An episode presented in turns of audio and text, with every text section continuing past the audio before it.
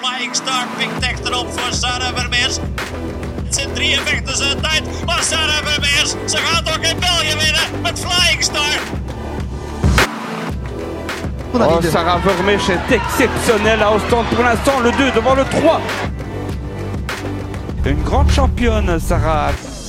Dag beste luisteraar en welkom bij een nieuwe aflevering van Potsport. Een podcast waarin we een onderdeeltje van het sporten eens extra belichten en bespreken met de mensen die daar alles van kennen.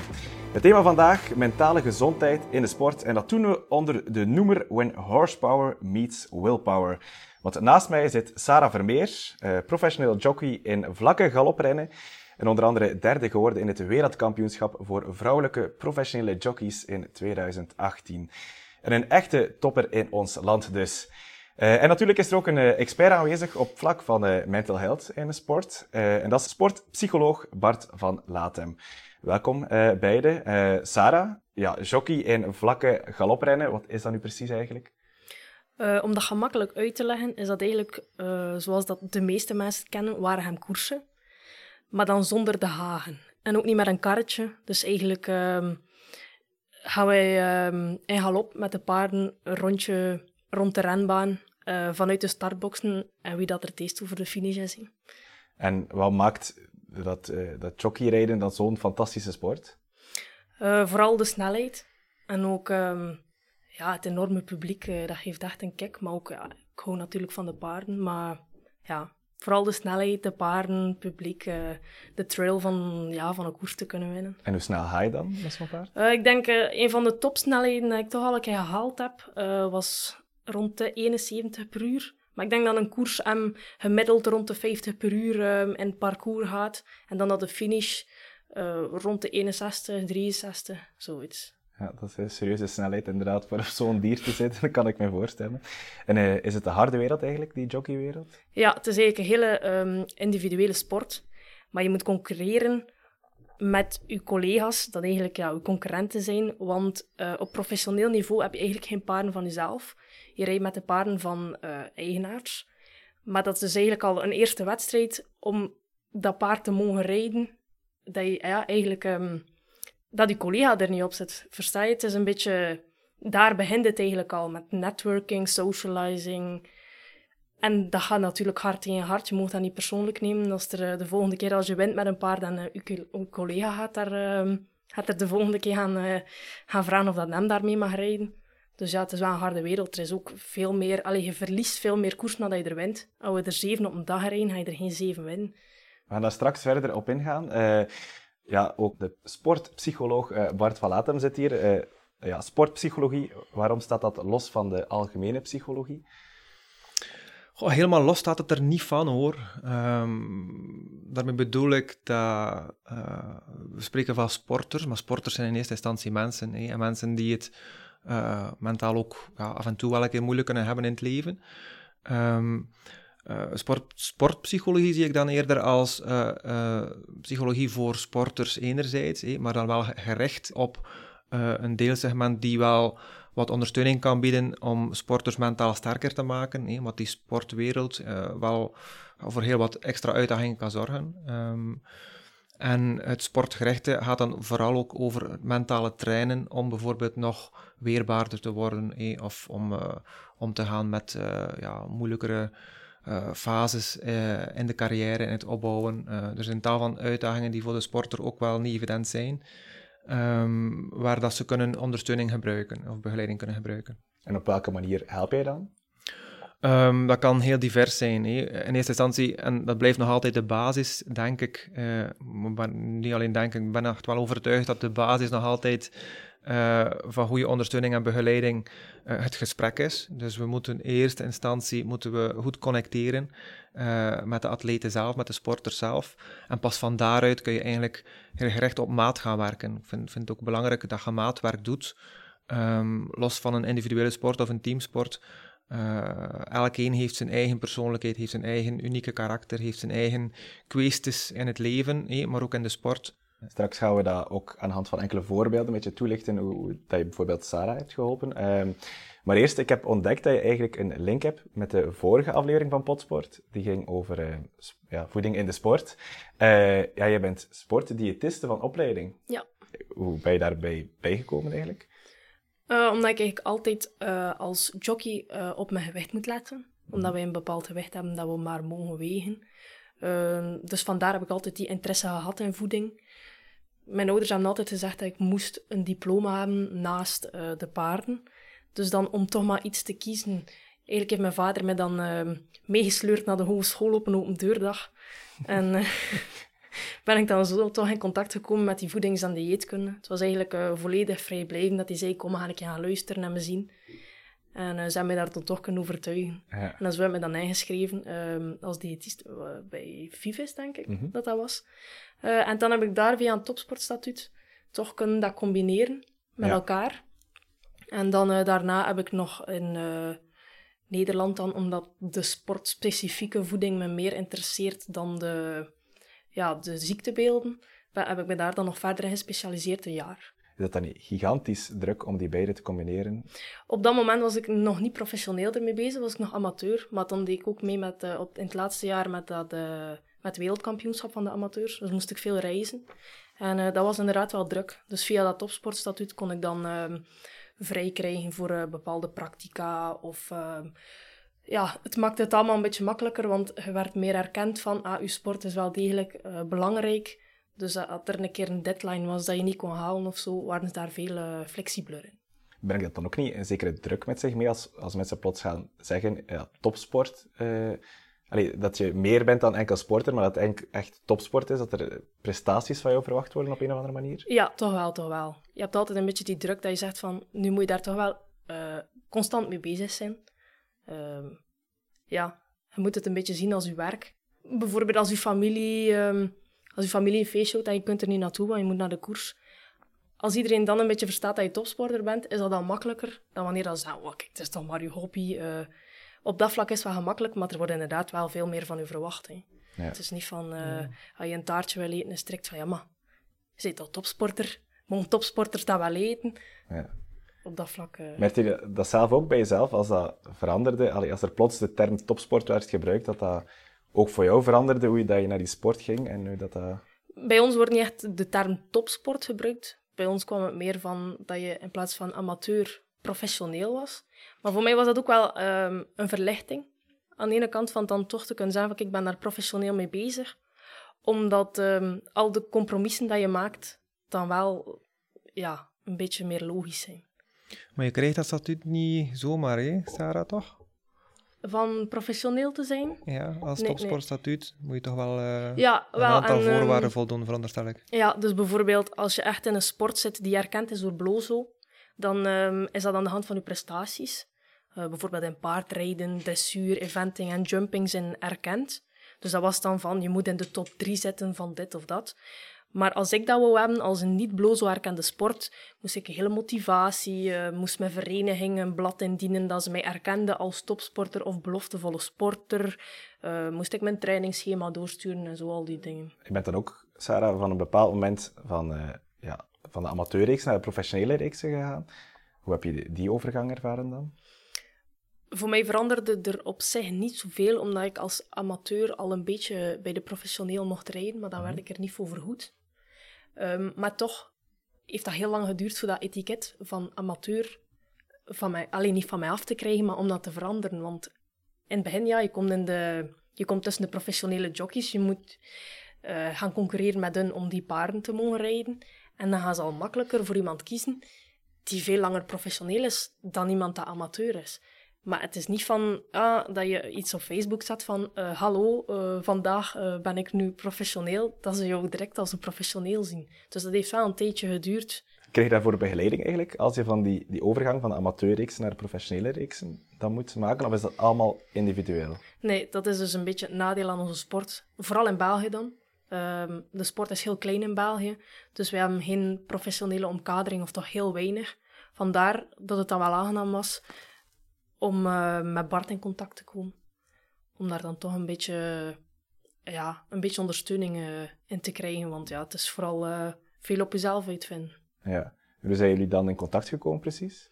Ehm, ik heb in maart 2020 mijn kruisband gescheurd na een val. En zo via mijn revalidatie dan, dat verliep op een gegeven moment een beetje stroef. En zo hebben ze mij dan in contact gebracht met Bart, de kines. En zo, eh, ja, zo is dat dan verder gegaan. En zelfs na mijn revalidatie heb ik toch ook nog een tijdje bij Bart eh, verder ja, tegen, over mijn koersen gepraat. En eh, ja, voilà. Dus zo dat we eigenlijk proberen vanuit sporter, hé, dus als multidisciplinaire dienst, eh, is mijn luik, het sportpsychologische luik, echt een belangrijke pijler geworden. En dat is ook met die, eh, met die intentie opgezet. eh, om, om het voor eh, revalidanten echt wel heel laagdrempelig toegankelijk te maken om te kunnen beroep doen op mijn ondersteuning. hè. Want we weten inderdaad dat het niet evident is om voor eerst eh, een zware blessure op te lopen. eh, maar dan de vele vragen die daarbij gepaard gaan, de vele onzekerheden. hè, eh, hoe gaat mijn revalidatie verlopen? Ehm, op een bepaald moment moet je effectief wel overwegen om, ga ik verder professioneel aan de slag met mijn sport of niet? Zal dat überhaupt nog mogelijk zijn? Dus er zijn veel zaken die, die, die, die aan bod komen. Eh, en naarmate de revalidatie vordert, zien wij dat bepaalde revalidaties echt wel ja, een, een vrij gunstig verloop kennen. Eh, en soms zien wij ook wel dat er een aantal zaken zijn die wat stroever verlopen. Eh, wat dat op zich perfect normaal is en kan zijn. Maar dan is het wel belangrijk om ook wel een keer te polsen naar ja, wat doet dat met de sporter, wat doet dat met de atleet zelf, die op dat moment ja, misschien ook wel een bepaald idee heeft van een revalidatie is een rechtlijn, een rechtlijnig proces, Eh, maar in praktijk blijkt dat vaak niet zo te zijn.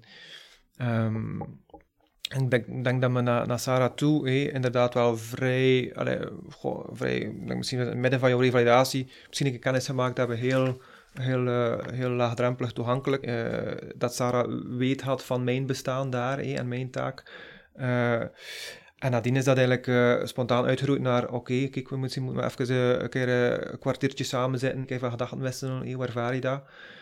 En aan het einde van de revalidatie, die dan ja, puur naar herstel van die knie eigenlijk echt, wel, echt wel goed zat, ehm, ja, kwam, de, kwam de return to sport eigenlijk weer aan bod. Van, ja, ben ik daar wel klaar voor? Wil ik dat wel? Kan ik dat wel? Want ja, het is uiteindelijk wel een blessure oplopen tijdens de sport.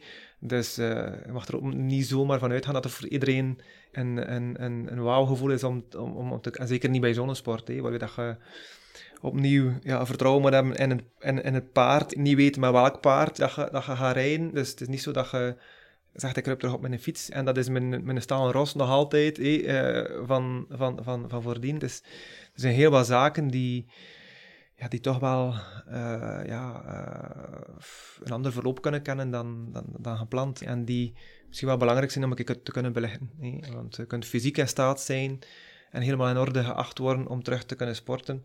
Maar dat wil niet zeggen dat je, dat je mentaal emotioneel daar al eh, klaar voor bent. Hè. En heb je dat vertrouwen dan teruggekregen? Wel, voor, mij, voor mij ging het eigenlijk vooral... eh, het vertrouwen was een beetje weg in de zin dat, ehm, dat ik mijn kruisband gescheurd heb met echt een enorm banale val eigenlijk. Quasi bijna in stilstand, gewoon op mijn voeten eh, terechtgekomen. En dat heeft me toch een jaar aan de kant gezet. En ehm, om dan terug te keren, ehm, dan begint de vraag te komen van... Ja, van, voor, zoiets banaals, een jaar aan de kant zitten... hé, ehm, als ik een serieuze val ga maken aan een hoge snelheid, wat gaat dan het En ehm, vandaar kwam dan de twijfels. Ehm, dus dat is allemaal een heel, heel, heel logisch, normaal Ja. proces. Hè? Dus, de, dus de, de gedachten die Sarah op dat moment heeft, eh, ja, dat is, dat is heel eigen aan die situatie. En hoe help je dan? Eh, voor eerst, in eerste instantie door al te normaliseren dat dat, dat, dat perfect normaal is wat dat zij op dat moment voelt, denkt hé, en beleeft. Eh, dus dat, is, dat, is, dat is ontzettend belangrijk. En misschien zelfs ook op dat moment al verlichtend om te horen Ja. hé, van ik mag dat hier wel denken, ik mag dat hier wel voelen. Ehm, want inderdaad, eh, de banale val die dan zo'n gevolgen heeft en dan terug aan, aan 60 per uur op een paard, eh, waar dat je eigenlijk fysiek ja, in staat moet zijn ook. Hè. Dus je moet helemaal vertrouwen op dat lichaam die in staat moet zijn om, ja, om, om die, Ja. die, die, die, die paardenkracht eh, te kunnen sturen in de richting dat je wilt. Dat is voor Daar, ons, eh, denk ik, ondenkbaar. dat Ja, daar wringde het schoentje een beetje. Dat ik niet meer op mijn eigen lichaam durfde vertrouwen. Hè. Op een gegeven moment um, zei ik ook tegen Bart, um, ik blijf ik maar sporten en sporten en sporten. En ik, ja, ik stelde de return to sport datum eigenlijk van terug in koerstrijden heel tijd uit. Maar ik dacht, ik ben er nog niet klaar voor. Ja. Ik ben nog niet sterk genoeg, ik ben nog niet sterk genoeg. En uh, dan zei Bart van, ja, maar ja, um, je bent wel sterk genoeg, hè. het zit in je hoofd. Mm -hmm. En uh, zo ook met ademhalingsoefeningen een beetje, ja... ja ik ging net vragen, hoe heb je dan die klik kunnen maken van, oké, okay, ik ben wel er klaar voor om terug te keren? Goh, op een moment was het een beetje van moeten eigenlijk. Uh, vanuit mijn, uh, mijn manager, die zei van kom, uh, nu gaat het wel moeten gebeuren. Hè. En dan ja, heeft Bart mij daar eigenlijk gewoon in ondersteund. ja, met, is... met tools aangereikt voor kalm te blijven. voor dat, ja. En zo, ik dan toch, ja, hup. Het is zo altijd een beetje als psycholoog zoeken met de huistuin- en keukentips komen we er niet. Ja. Hè? Of vaak niet. Uh, dus het gaan zoeken van ja, uh, ja, wie is Sarah en wat maakt dat zij op vandaag uh, die dosis vertrouwen in haar lichaam nodig heeft. voor, haar, voor haar manager is die dosis voldoende, maar voor zichzelf niet. En ja, het is natuurlijk Sarah die het moet doen. Hè? Dus dan is het zoeken van kijk, wat heeft Sarah nog nodig om bij zichzelf wel aan die minimale dosis te geraken nog die zij nodig heeft om te kunnen die stap, uh, en, uh, die stap zetten, eh, te durven zetten. Kan je een voorbeeld geven van een van die tools die dan gebruikt werden? We hebben, we hebben, afhankelijk, we hebben afhankelijk inderdaad eh, gekeken van die onrust. Van, we hebben die testen gedaan met die biofeedback bijvoorbeeld, om te gaan kijken, dat is, een, dat een, de psychofysiologische parameters dat we meten van haar eigen lichaam onder invloed van spanning en onrust. en kijken we in hoeverre dat zij in staat is om die te, te managen op dat moment. Maar als die angst fundamenteler is en eigenlijk heel logisch is, dan kan het misschien ook zijn dat, dat er andere facetten zijn, hé, eigen aan haar persoonlijkheid, dus die, die, die, die, die bepalend zijn uh, um, en die dan andere tools vragen. En uh, we hebben dan bijvoorbeeld talentenpaspoort ook overwogen om in te vullen en, en, en, en effectief ook bleek heel nuttig te zijn, ja, omdat ja. we daar dan... Oh, is dat dan zo'n talentenpaspoort? Ja, dat is eigenlijk een, uh, een tool die we met Sporter ook gebruiken om uh, zicht te krijgen op belangrijke aspecten van de persoonlijkheid van, uh, van iemand. Um, het meet eigenlijk twee essentiële bouwstenen van, van wat het potentieel is van iemand. en die bouwstenen zijn enerzijds de drijfveren, de passies die diep van binnenuit onze motivatie en energie mobiliseren. Uh, en anderzijds de denkstijlen, dus de strategieën die we hanteren uh, van nature, eh, waar we een aanleg voor hebben. En we hebben eigenlijk allemaal universele drijfveren, psychogene drijfveren. Um, en we hebben die wel in verschillende maten van sterkte. Dus de ene is heel sterk gedreven om eh, die drijfveer na te streven eh, en de andere eh, minder. En dat zorgt ervoor dat we eigenlijk uh, Sarah ook met haar natuur kunnen positioneren ten opzichte van een ruime groep mensen. Uh, en van daaruit kunnen we eigenlijk gaan kijken van ja, wat Sarah motiveert om te doen wat dat zij doet, uh, is heel sterk uh, gedreven door die bepaalde drijfveren. En er waren een aantal die heel sterk aanwezig waren. En dat zien we vaak bij heel talentvolle sporters, dat zij ja, heel sterke gedrevenheid hebben. En je kunt het een beetje vergelijken met het meten van de, de, de, de, de, de intrinsieke paardenkracht, eh, de pk's van Sarah dan. Eh. Het vermogen die zij eigenlijk ja, heeft in zich. Um, en, en ja, goed, we kunnen over een immens groot vermogen beschikken, maar ook weer, ja, dat kan ons, als we dat niet leren op een juiste manier hanteren, dan kunnen we zwaar uit de bocht gaan. en extreem getalenteerde mensen uh, kunnen inderdaad wel soms uh, stoten op de valkuil van een immens, immense sterke gedrevenheid. En allee, het was, dus dat, was, dat was op een aantal vlakken echt wel een eye-opener. En voor mij dan ook meteen ja, heel, heel sterk duidelijk van waar moeten mijn interventies nu vooral op geënt zijn.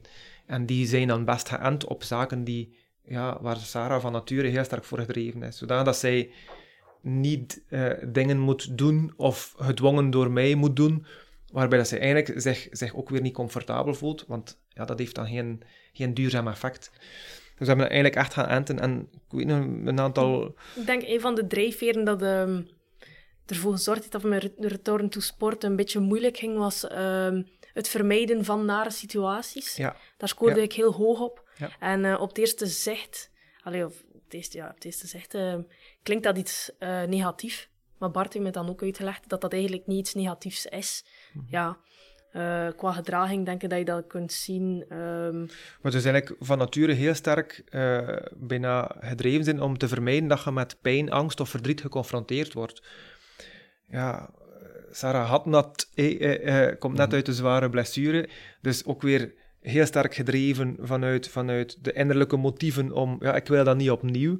Dus hoe kan ik vermijden dat dat ooit nog zal gebeuren? Dat het gevoel daar rond voldoende gesust is eh, om toch die return to sport te doen. En dan hebben we eigenlijk... dan hebben we die... ehm, dan twijfelde ik voor een nieuwe helm te kopen. ja, ja, ja, Ja. ja. Ehm, en toen zei Bart inderdaad van, doe dat. Koop Mhm. een nieuwe naam. Ehm, want dat gaat er inderdaad voor zorgen dat je het idee hebt, of toch het gevoel hebt, dat je ergens hetgene dat je... eh, ja, allee, je, kunt niet onder, je hebt niet onder controle of dat je gaat vallen of niet. Maar je weet dan tenminste van, als ik val, heb ik toch een goede naam aan. dus op dat vlak, bijvoorbeeld... Ja, dat is een banale ding, maar heeft hij me wel geholpen. Voilà, dat ik dan weer meer vertrouwen voor in koersterrein. Maar eh, wat dat we vaststellen met die talentenpaspoorten is dat mensen teruggaan naar het gevoel, bijna de, intuïtie. En we zijn zodanig geëvolueerd naar rationele mensen die altijd maar moeten onze ratio aanspreken, dat we dan eigenlijk soms met een soort van innerlijke spanning geconfronteerd worden tussen ratio en gevoel. En aan de hand van die talentenpaspoorten krijgen we eigenlijk zicht op ja, wat drijft Sarah van nature? Dus wat, wat, is, wat is daar een blauwprint eigenlijk? En als zij daar tegen zondigt, of lang tegen zondigt, dan ontstaan er innerlijke, innerlijke conflicten. En het zijn die spanningsvelden dat we eigenlijk een stukje ja, gaan, gaan, gaan in kaart brengen en proberen eigenlijk te reduceren, zoveel als mogelijk. En dat voorbeeldje van die helm was daar één van. Ehm, En je- ja, een andere was ehm, een hoge score op aandacht. ja, En dat juist. klinkt ook weer negatief, dat je denkt, allee, hou je nu van aandacht? Pff.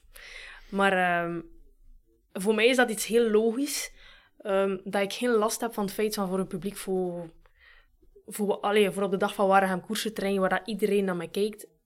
Ik heb daar totaal geen last van. Maar dat lijkt voor mij iets heel logisch dat niemand daar last van heeft. Maar dat was dan dat dat eigenlijk uitkwam, dat dat eigenlijk wel een talent is om daar geen last van te hebben. Maar als je daar laag op scoort op die aandacht, dan, heb je daar, dan presteer je minder onder, ja, onder... Als er heel veel publiek Ja. is, dan kan je niet presteren. Ik heb daar bijvoorbeeld totaal geen last van. Dus dat weer... Ja, en dat is het boeiende ook aan die, aan die paspoorten. We zien gewoon geen twee identieke mensen. En merk je dat er nog eh, jockeys waren in de wereld die daar ook moeilijkheden mee hadden? Ah, En ik kan me voorstellen dat er ook wel eh, ja, veel blessures zijn als je valt bijvoorbeeld, die ook ja, moeilijkheden ervaren met terug te keren naar de sport. Ja, persoonlijk ehm, ja, weet ik dat zo niet, want dat is nu eigenlijk een beetje het probleem met onze sport. Ehm jockeys worden gezien als eh, heel eh, harde, harde persoonlijkheden, dat geen zwaktes hebben, eh, ze vallen, ze revalideren en ze staan weer recht. Terwijl dat, waarschijnlijk achter de schermen ehm, helemaal niet zo is. Dat mensen ook onder twijfel hebben, dat ze het er ook moeilijk mee hebben, maar dat wordt dus niet, daar wordt er niet over gepraat. Ja. En daar zegt op Sarah, in andere landen waar dat die sport echt wel beter en duidelijker omkaderd is, of dat er daar ruimte voorzien wordt voor die mensen om ook Ja, op dat vlak te gaan ondersteunen? Of? Bijvoorbeeld in Engeland eh, heb je eh, vier of vijf, denk ik, eh, revalidatiecentrums. ook gewoon fitnesscentra. Dat zijn eigenlijk ja, vijf centra's waar dat er eigenlijk gelijk Sport R, maar speciaal voor jockeys. Waar ze kunnen revalideren, ze kunnen naar een eh, voedingsexpert gaan, er zijn psychologen aanwezig. ehm, en Dus daar, wordt er wel sterk ja, op ingezet. er zijn jockeycoaches waar de- er is zelfs een ehm 24 eh, op 7 eh, telefoonlijn waar dat ze naartoe kunnen bellen. Voor eh, als ze een keer een slechte dag gehad hebben, dat ze met iemand kunnen spreken. ja. Schiet eh, België daar dan tekort in? Ga ja, tekort. Ja, ik denk dat onze sport te klein is om dat allemaal te voorzien. Want wij zijn met, ik denk nog geen 20 professionele jockeys meer in België. En ken je die, die andere 19 dan? Ja, ja, tuurlijk. hè. We zitten allemaal samen eh, op koersdagen. Maar onderling gaan we natuurlijk ook niet gaan eh, onze zwaktes gaan bespreken. Ja. En dat is dus ook het, het, het fantastische leuk voor de sportpsychologie. Dus dat wat de- de anderen denken dat een zwakte is, is net Ja. de sterkte van de atleet zelf. En, en het feit dat Sarah dat benoemt van de anderen zien dat misschien als een zwakte. Nee, het is juist haar, haar kracht en haar sterkte dat zij eigenlijk rekening houdt met die zaken. En dat zij ja, absoluut leert om, eh, om, om te leren met de gevoeligheden, ik zou dat zelfs niet zo noemen, hè, maar met haar eigenheid zo goed mogelijk om te gaan. Is dat aan het veranderen, dat er daar meer aandacht voor is? Goh ja, ik, ik, denk dat we nu een beetje aan het doorslaan zijn naar het, het sterk data-gedreven uh, benaderen en opleiden van onze sporters. Hè. Dus alles moet in cijfertjes en tabelletjes en voorspelbare parameters uh, gegoten worden. Vanuit het idee, dan hebben we daar zicht op en controle. En wat zien wij bij heel veel jongeren? Dat het net het, het, het omgekeerde effect heeft. Uh, we zien uh, jongeren van 14, 15, 16 jaar die, die, die te kampen hebben met, met extra stress. Ze slapen niet meer goed, uh, ze, ze, ze, ze overtrainen zich, ze weten niet meer hoe dat voelt, letterlijk. Ze baseren hun gevoel op basis van een parameter. als zij zien, ik heb die wattages niet getrapt op de fiets bijvoorbeeld, ah, dan heb ik slecht getraind. Dus ze, ze, ze, ze, ja, ze verliezen een beetje de voeling met zichzelf. Hè. Merk jij dat ook in jouw sport? Of is dat een sport die iets minder met data bezig is? Uh, ik denk dat de data meer uh, op de paarden gericht wordt. Ja. Dat, uh, ja, hoe snel dat een paard... Want eigenlijk, ja, in, de sport wordt, in onze sport wordt het paard meer gezien als de atleet. En ehm, onze functie als jockey is eigenlijk om het beste uit die atleet te halen. Ik kan me ook wel voorstellen dat dat een zekere impact heeft op jou als je bijvoorbeeld met een paard rijdt waarvan je weet, ja, die is eigenlijk echt uh, top. Uh, ja, dan moet dat toch ook een zeker gevoel teweeg brengen bij jou? Ja, hij rijdt met veel meer vertrouwen. Hè. Ja. Dus, um... Voor jou is dat dan een positief gevoel eigenlijk? Ja, ja, natuurlijk. Als je voor de koers uh, een keer de tegenstanders bekijkt, de paarden van de tegenstanders, en je weet van, ah, ik zit hier op de beste, dat geeft vertrouwen. Je gaat met veel meer gemak de koers en de koers rijden. Ja, je ziet, Louis, dat voor de ene zou dat druk kunnen ik, geven. Ik kan me voorstellen, ik zou iemand zijn die daar plots druk voor voelt. Van, oeh, ik ben hier met het beste, beste paard bezig. Dus ik, uh, ik, moet hier wel winnen vandaag, want ik heb eigenlijk op papier uh, het beste paard. Ja, dat, natuurlijk brengt dat inderdaad, als je het zo bekijkt, dat geeft inderdaad wel een druk. Maar ja, op een gegeven moment word je dan natuurlijk gewoon. He. Het is inderdaad wel waar om... Als je, het is veel gemakkelijker om een paard te rijden die op papier geen schijn van kans heeft en dan een goede performance te doen, dan omgekeerd. Met een heel goed paard te rijden en uh, ja, niet in deze drie te zijn. Want dan wordt er direct naar u gekeken. Terwijl, ja. kan ook aan paard liggen natuurlijk. Hè. Maar dat is... Uh, ja, en dat geeft natuurlijk een extra druk mee. Ook vooral uh, na de koers gebeurt dat al een keer dat je een berichtje krijgt van een hokker. van, ja. Heb jij jouw licentie bij de Cornflakes gekregen? Ja, dat is toch ook een hele wereld die daarbij komt. Ja, de, de, wereld van de, ja, de mensen die inzetten op dat... Op dat Allee, hoe ga je daar dan mee om? Heb je echt al veel mensen gehad die jou aanspreken? Ja, ja. Dat, enorm. Um, ook als je op weg bent naar waar dat we dan op ons paard uh, gaan, op verschillende hippodrooms, moet je dan ook door het publiek. Dus um, dan komen ze naar u met een blaadje. En, en mevrouw, wat denk je, heb je een kans? Ik persoonlijk, uit het um, vermijden van nare situaties, hè, ga niet rap zeggen, ja, ja meneer, speel maar heel wijs op mij. Dat ga ik nooit zeggen. Ik ga altijd zeggen, ja, kijk ik heb misschien wel een goede kans, maar het blijft nog altijd koers of zoiets. Ik ga het, eerder, ik ga het altijd een beetje nuanceren, mijn kans. Ook om die druk natuurlijk er een beetje af te nemen. Hè. Ik heb dat ook al um, gezien, um, als je dat ziet voor de interviews van bepaalde wielerwedstrijden, zie je dat verschillende coureurs ook wel een keer doen als ze zeggen van ah, u bent de favoriet vandaag. Dat ze dat altijd een beetje proberen te nuanceren om die druk eraf te nemen. Dat... Maar het toont, hoe belangrijk, het toont ook hoe belangrijk dat is om effectief, op het moment dat de race start, in die focus te geraken en die focus te zetten. En op het moment dat je, dat je nog te fel twijfelt, ja, dan, dan ga je waarschijnlijk nog in die voorbereiding ja, toch alweer met storende gedachten zitten. Dus die jou eigenlijk uit de focus houden dat je nodig hebt. Um... hoe, hoe doe je dat dan? Voor dat vertrouwen te vinden in jezelf, voor die focus goed te leggen bij je race?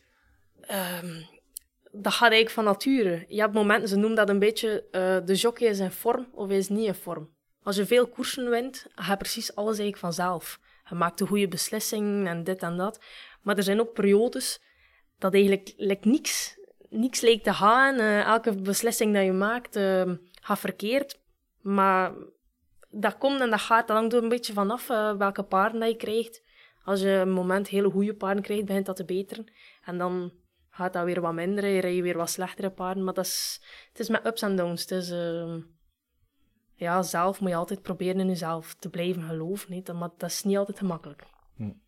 Ja, je hebt al verteld dat in, in, het, in het jockeyrijden dat er daar niet echt veel ja, omkadering rond is of steun rond is vanuit België om, om jou ja, mentaal bijvoorbeeld ook uh, te ondersteunen. Is dat bij alle sporten zo, Bart? Of heb je daar een zicht op, dat dat, of dat dat bij andere sporten anders ligt? Ik denk dat de meest financieel rijke sporten steeds meer inzetten daarop. dat, dat uh, Team Belgium bijvoorbeeld ook naar de Olympische atleten, dat die omkadering daar wel al is. Um, maar vooral naar toernooivoorbereidingen. Uh, dus daar wordt steeds meer op ingezet. Maar ik ben toch verrast nog hoeveel liga's of federaties er zijn die ja, dat bijna nog beschouwen als ja, een surplusje of een extraatje, nee, of bijna een optie om erbij te kunnen nemen. Men onderneemt stappen daarin, uh, maar structureel kan het nog veel beter. Maar het, gaat vaak over centen, hè. centen, een budget die voorzien moet worden daarin.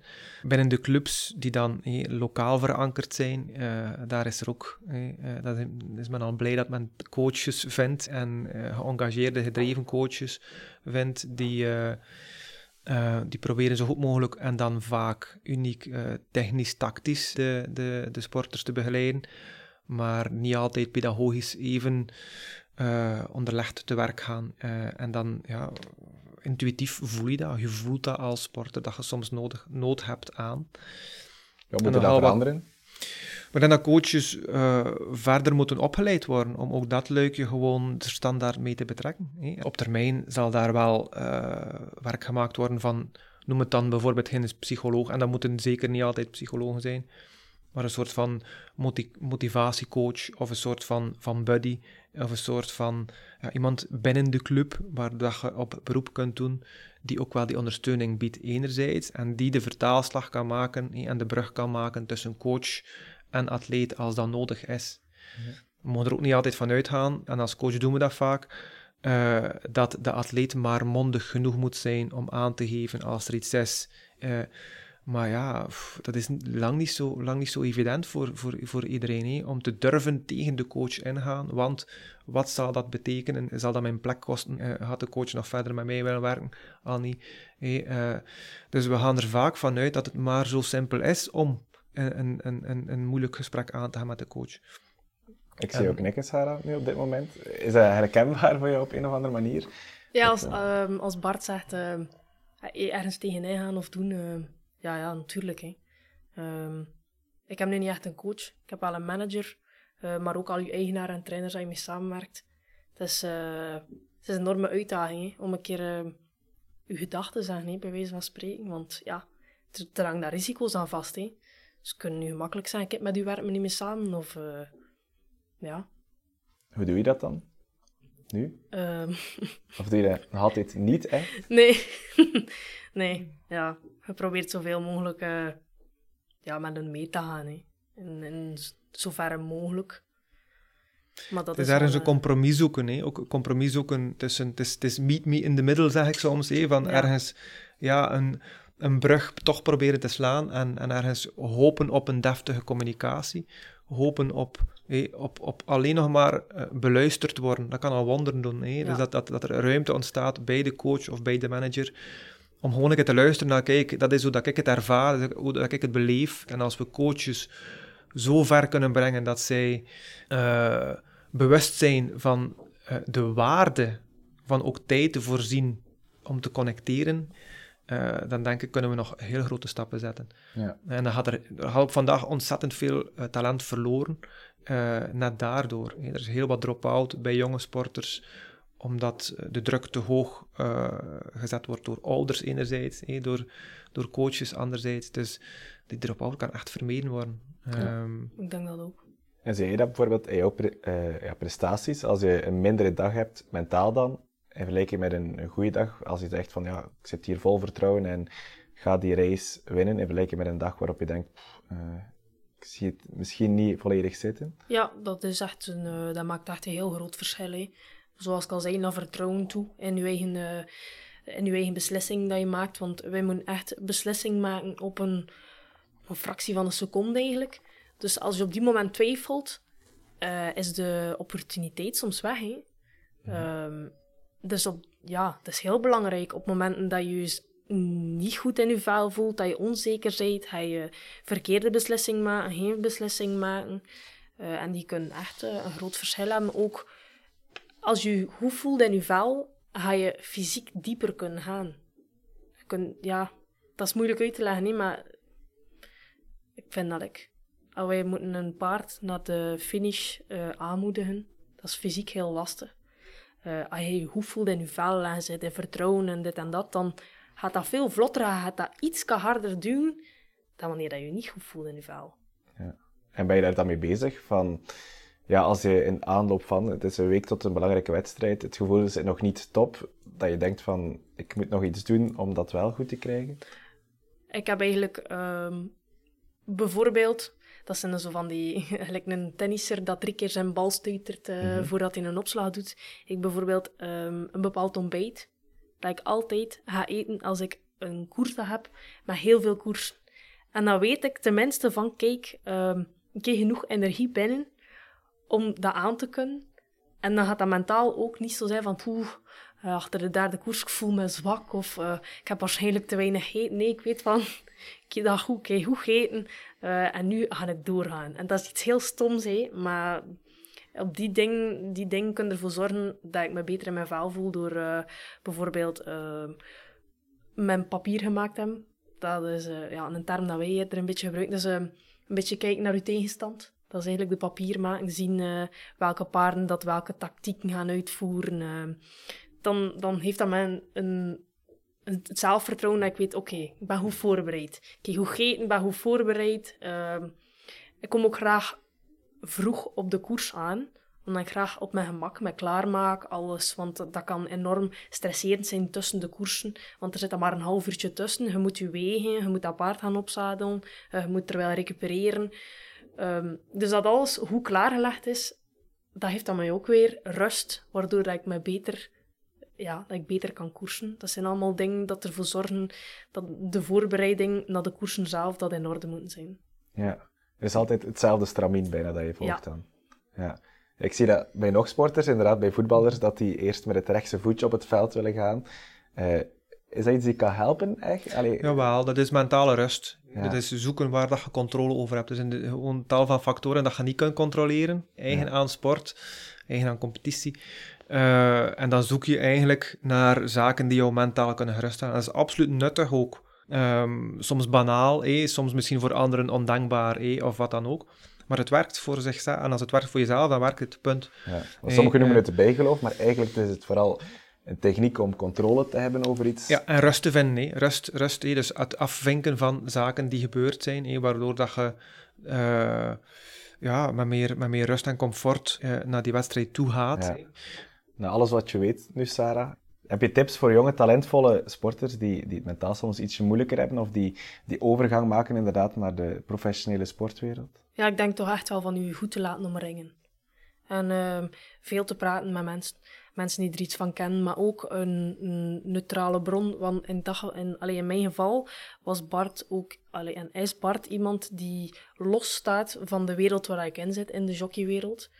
Um, dus alles wat ik aan Bart vertel, kan op een rare manier gezegd niet tegen me gebruikt worden. Als ik mijn hart ga luchten tegen een collega of tegen uh, een trainer waarvoor ik moet rijden, dan is dat in mijn nadeel. Want je toont ergens een zwakte. Terwijl als ik bij Bart een keer mijn zwakte, um, een keer mijn, mijn, ja, een keer waar ik mee zit en een keer vertel aan Bart, dan is dat in een uh, veilige, neutrale ruimte. En ik denk dat je dat echt wel nodig hebt. Zeker ook, ja, als jonge sporter, um, als je ergens mee zit met twijfels, uh, er niet mee blijven zitten. Nee. Um, ik denk niet dat het een schande is om hulp te zoeken, want dat wordt nog veel... Het is eigenlijk nog een grote taboe, hè. Mhm. Eh, en het kan echt van u een betere sporter maken. Dat kan de, de laatste 2% betekenen tussen een eerste en een tweede medaille bijvoorbeeld. Dat je mentaal uh, op en top bent. En dat kun je niet als je er alleen voor staat. Ja. Bart, heb jij nog tips voor zowel de sporter of de coach? Ja, uh, ik denk dat um, het gewoon moet genormaliseerd worden. Uh, het feit dat die um, dat net zoals dat wij fysiek trainen en beter worden door herhaling, door oefening, door begeleiding, uh, ja, vind ik het ook belangrijk dat het uh, aan jonge sporters geleerd wordt hoe dat zij mentaal veerkrachtig kunnen worden, hoe dat ze kunnen omgaan met twijfels, met onzekerheden. Uh, alleen gaat men er op vandaag te, te, vaak nog vanuit dat men dat wel moet kunnen van nature uit. Dus ze moeten het kunnen, maar ze hebben het niet geleerd nog. En ook voor de coach hoor trouwens, want uh, een coach gaat misschien ook altijd coachen vanuit het idee: ik moet het weten en ik moet het allemaal kunnen. En uh, coaches die dan uh, zichzelf een keer in vraag stellen of willen gaan extra, extra tijd investeren in dat luikje, worden dan vaak gezien als de, de softe coaches eh, of, of de, de zwakke, eh, noem maar op. en als ja als, als je daar als coach jezelf kunt overzetten en kunt zeggen van kijk goed, uh, het kan voor mij ook nog altijd interessant zijn als coach om zaken bij te leren die mij niet aangeleerd geweest zijn, of die in een trainerscursus misschien onvoldoende belegd worden, um, maar waarvan ik voel dat het wel een meerwaarde kan betekenen, dan hoop ik ook dat coaches daar blijven in investeren. Ja. En clubs of federaties of noem maar op. Sarah, wanneer is je volgende wedstrijd nu nog? Um, ik denk volgende week volgende week. En die is in? Waregem. Dan wens ik jou heel veel succes in Waregem. Dank u wel. Uh, luisteraar, bedankt voor het luisteren en graag tot de volgende Potsport.